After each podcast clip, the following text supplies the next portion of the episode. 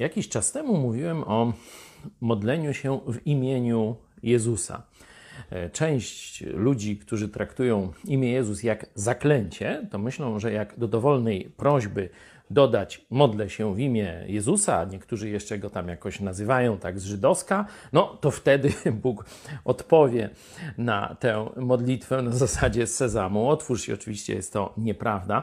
Modląc się w imieniu Jezusa, musimy mieć przekonanie, że to, o co prosimy, to jest to, o co Jezus prosiłby na naszym miejscu. Wtedy rzeczywiście możemy modlić się w imieniu Jezusa.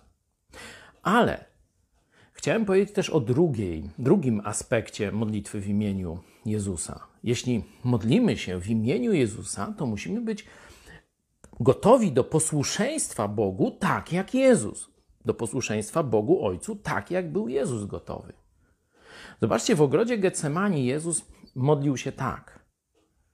Ojcze, nie moja wola, ale Twoja niech się dzieje.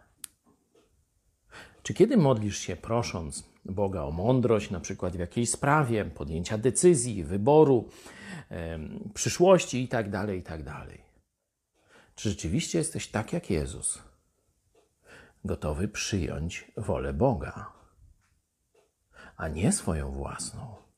To często są dwie różne sprawy.